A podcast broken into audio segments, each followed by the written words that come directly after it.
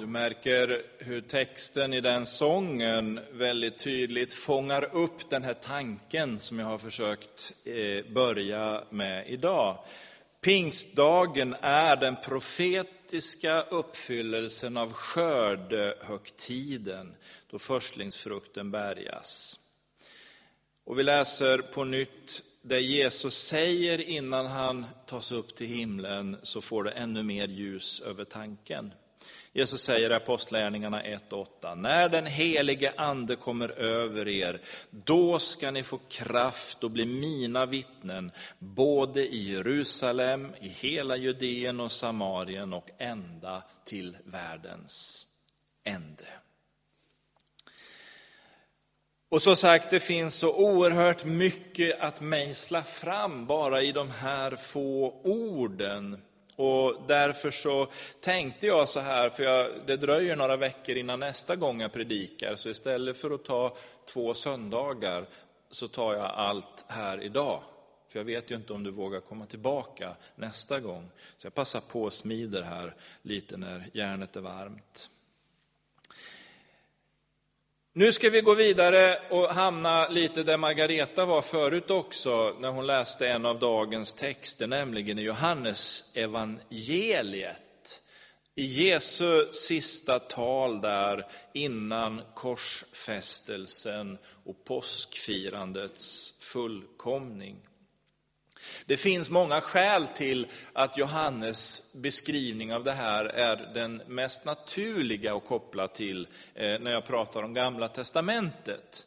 Därför att Johannes, han lyfter fram Jesus i relation till Mose som förebilden lite starkare än vad de andra evangelisterna gör.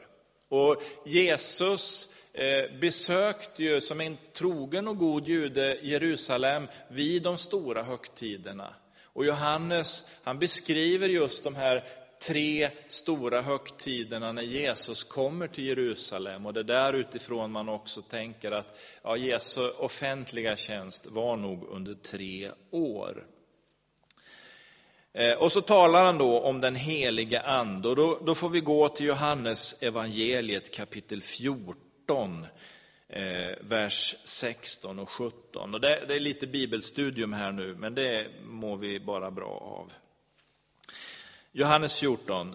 Jag ska be Fadern och han ska ge er en annan hjälpare som alltid ska vara hos er, sanningens ande, som världen inte kan ta emot. Ty världen ser honom inte och känner honom inte.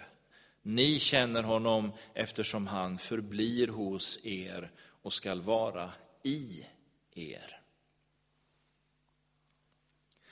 Ja, Jesus han levde den här dualismen som jag har talat om eh, i den första delen. Och man kan säga att han personifierar den på ett ganska bra sätt.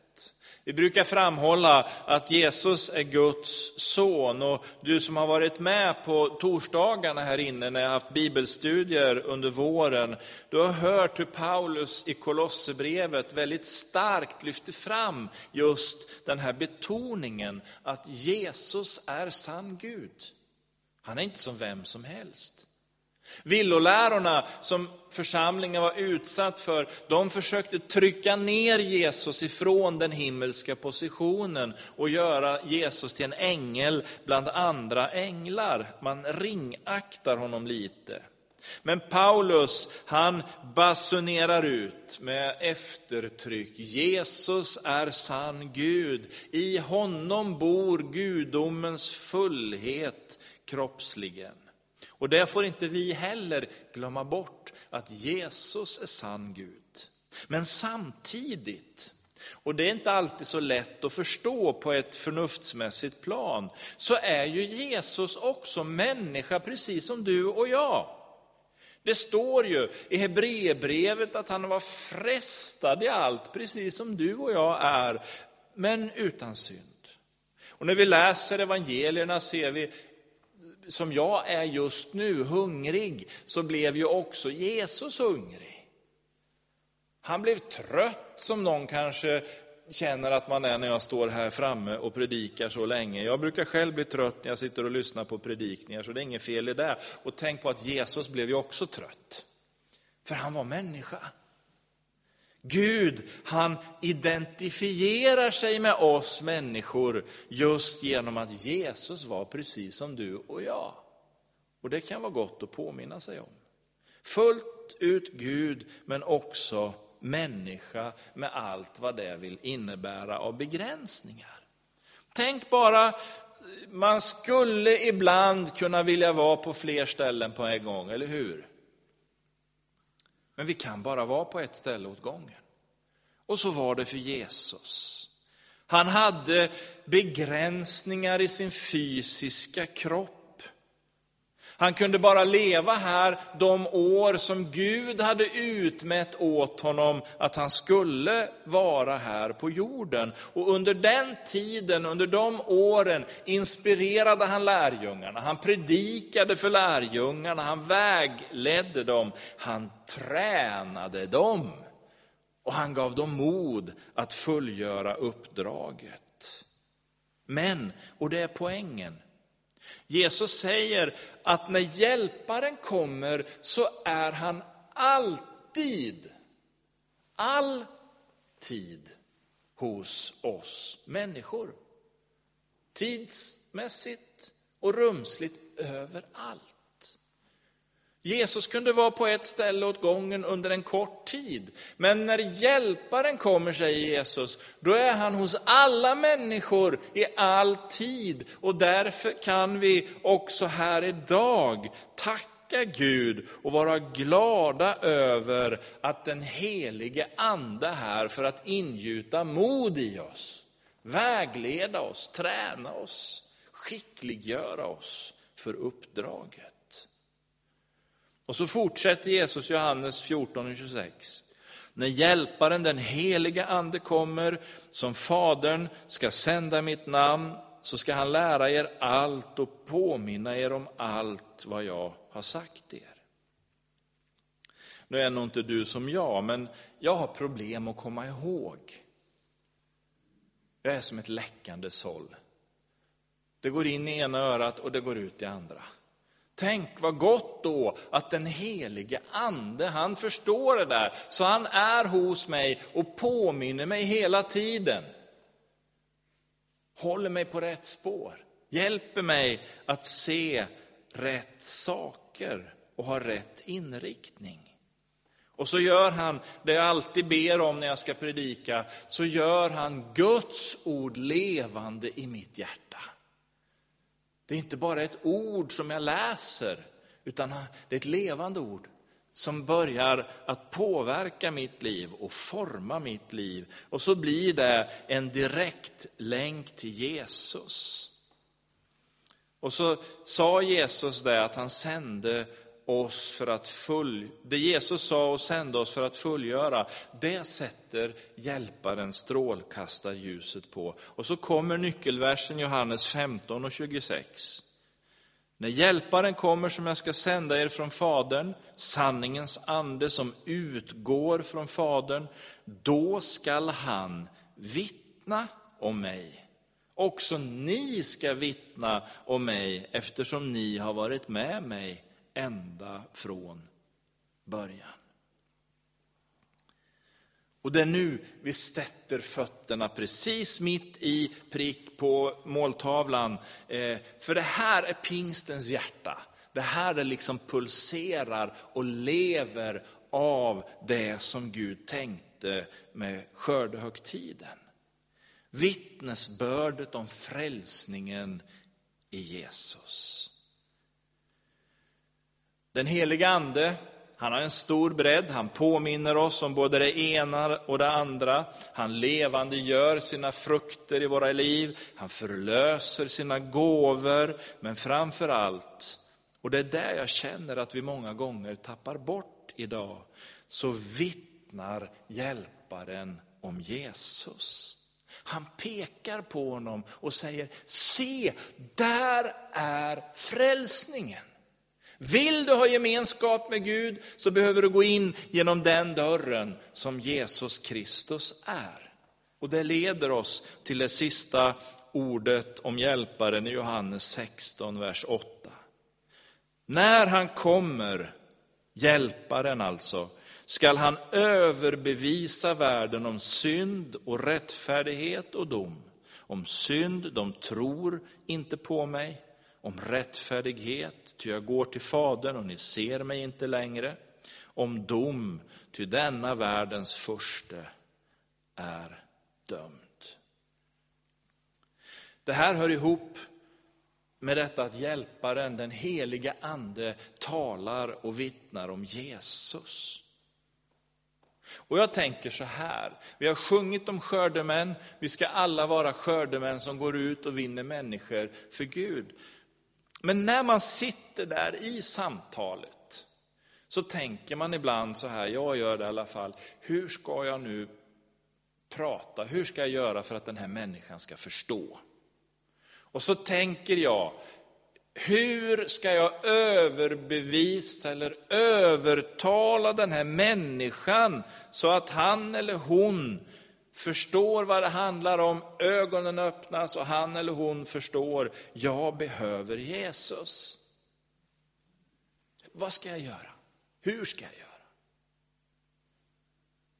Ja, vi har ett ansvar i det här. Men vi måste samtidigt förstå, och det här vill jag med eftertryck säga, det är ju inte jag som människa som ska peka på en människa och säga vilken stor syndare du är. Du går förtappad för Guds eviga eh, himmelrike. Jag kan aldrig döma en människa. Går vi till pingstdagen i Apostlärningarna 2 så ser vi ju det här i praktiken. För Petrus, han predikade enligt kallelsen han hade, han förvaltade gåvorna som fanns i hans hjärta och gav ut åt de människor som fanns där. Men även om han talade om vad du och jag och hela mänskligheten har gjort emot Gud, så var det styng som folket fick i sina hjärtan inte ytterst på grund av att Petrus stod där och tryckte ner det i deras liv. Nej, det var den helige ande som gjorde ordet levande. Det var den helige ande som där överbevisade människorna om att vi behöver omvända oss. Petrus övertalade dem inte. Han var bara ett redskap i Guds hand. Det var hjälparen som överbevisade folket om deras synd, rättfärdighet och dom. Och i den miljön så kunde Petrus predika och vägleda och hjälpa dem. När de säger, vad ska vi göra? Då säger Petrus, omvänd er och tro på evangeliet, så blir ni frälsta. De tog emot ordet, de blev frälsta och de lät sig döpas. Så, ska vi landa? Försöka knyta ihop alla de här trådarna. Så var det första skördehögtiden att Gud instiftade skördehögtiden som en profetisk högtid om förstlingsfrukt en försmak av det som ska komma. Det andra som vi har tittat på var hjälparen, att Jesus talar om att han ska sända en hjälpare till församlingen som inte begränsas av tid och rum. En hjälpare som stöttar oss troende med vad vi behöver och som visar oss vad som är det viktiga, frälsningen i Jesus. Och så landar vi då i Apostlagärningarna 1 och 8. När den helige ande kommer över er, då ska ni få kraft och ni ska bli mina vittnen både i Jerusalem, i hela Judeen och Samarien och ända till världens ände. När Jesus talar om pingsten, märker du nu då vad det är han säger? Han talar om frälsningen. Han sätter blicken på det som är det viktigaste. När den helige ande kommer över församlingen är det för att skickliggöra och utrusta för att vi ska kunna vittna om frälsningen i Jesus. Åter, jag säger inte att de här karismatiska yttringarna är oviktiga, de är viktiga, de är härliga och underbara, men det är inte det som är centrum i pingsten. Därför blir jag förtvivlad när jag hör hur man börjar liksom glida ut i något känslorus i många församlingar.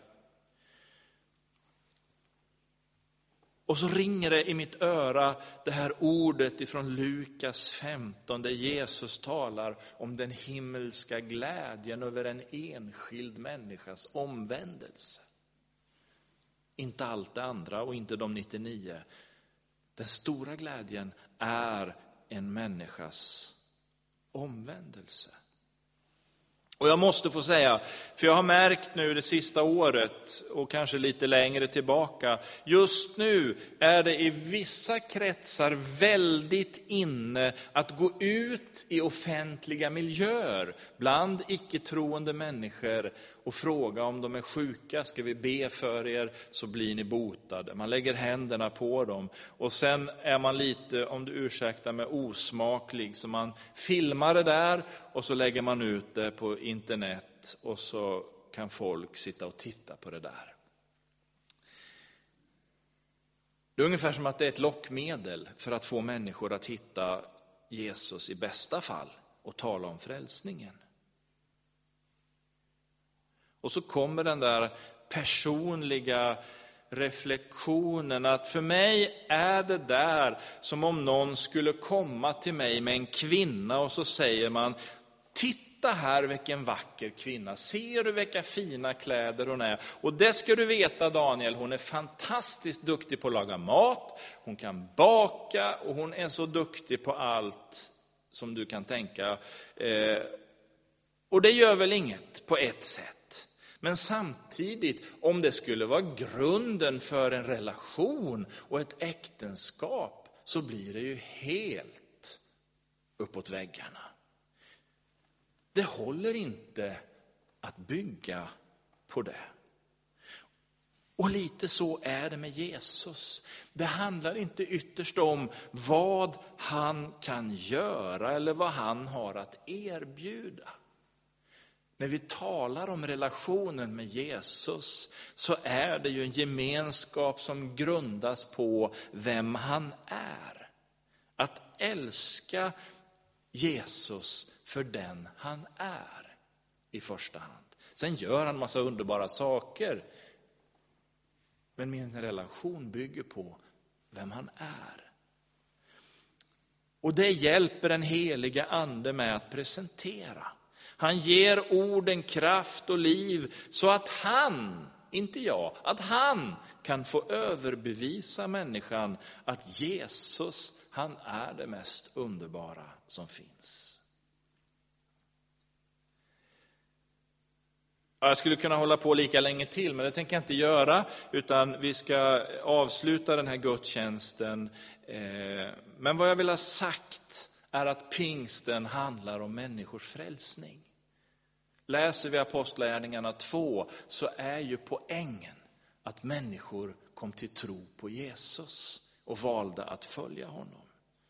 Det är pingstens yttersta uppdrag. Och vill du komma tillbaka när jag predikar nästa gång så kommer jag att fortsätta att tala om den heliga ande och då ska jag utgå ifrån Efesiebrevets första kapitel kapitel. För där har Paulus några oerhört intressanta saker att säga om den helige ande. Men det spar vi till nästa gång. Jag predikar. Nästa gång, då är det familjegudstjänst, men det tar vi sen. Vi ska sjunga tillsammans innan vi tar en stund i bön också och avslutar gudstjänsten. Vi sjunger 528. O sprid det glada bud. 528.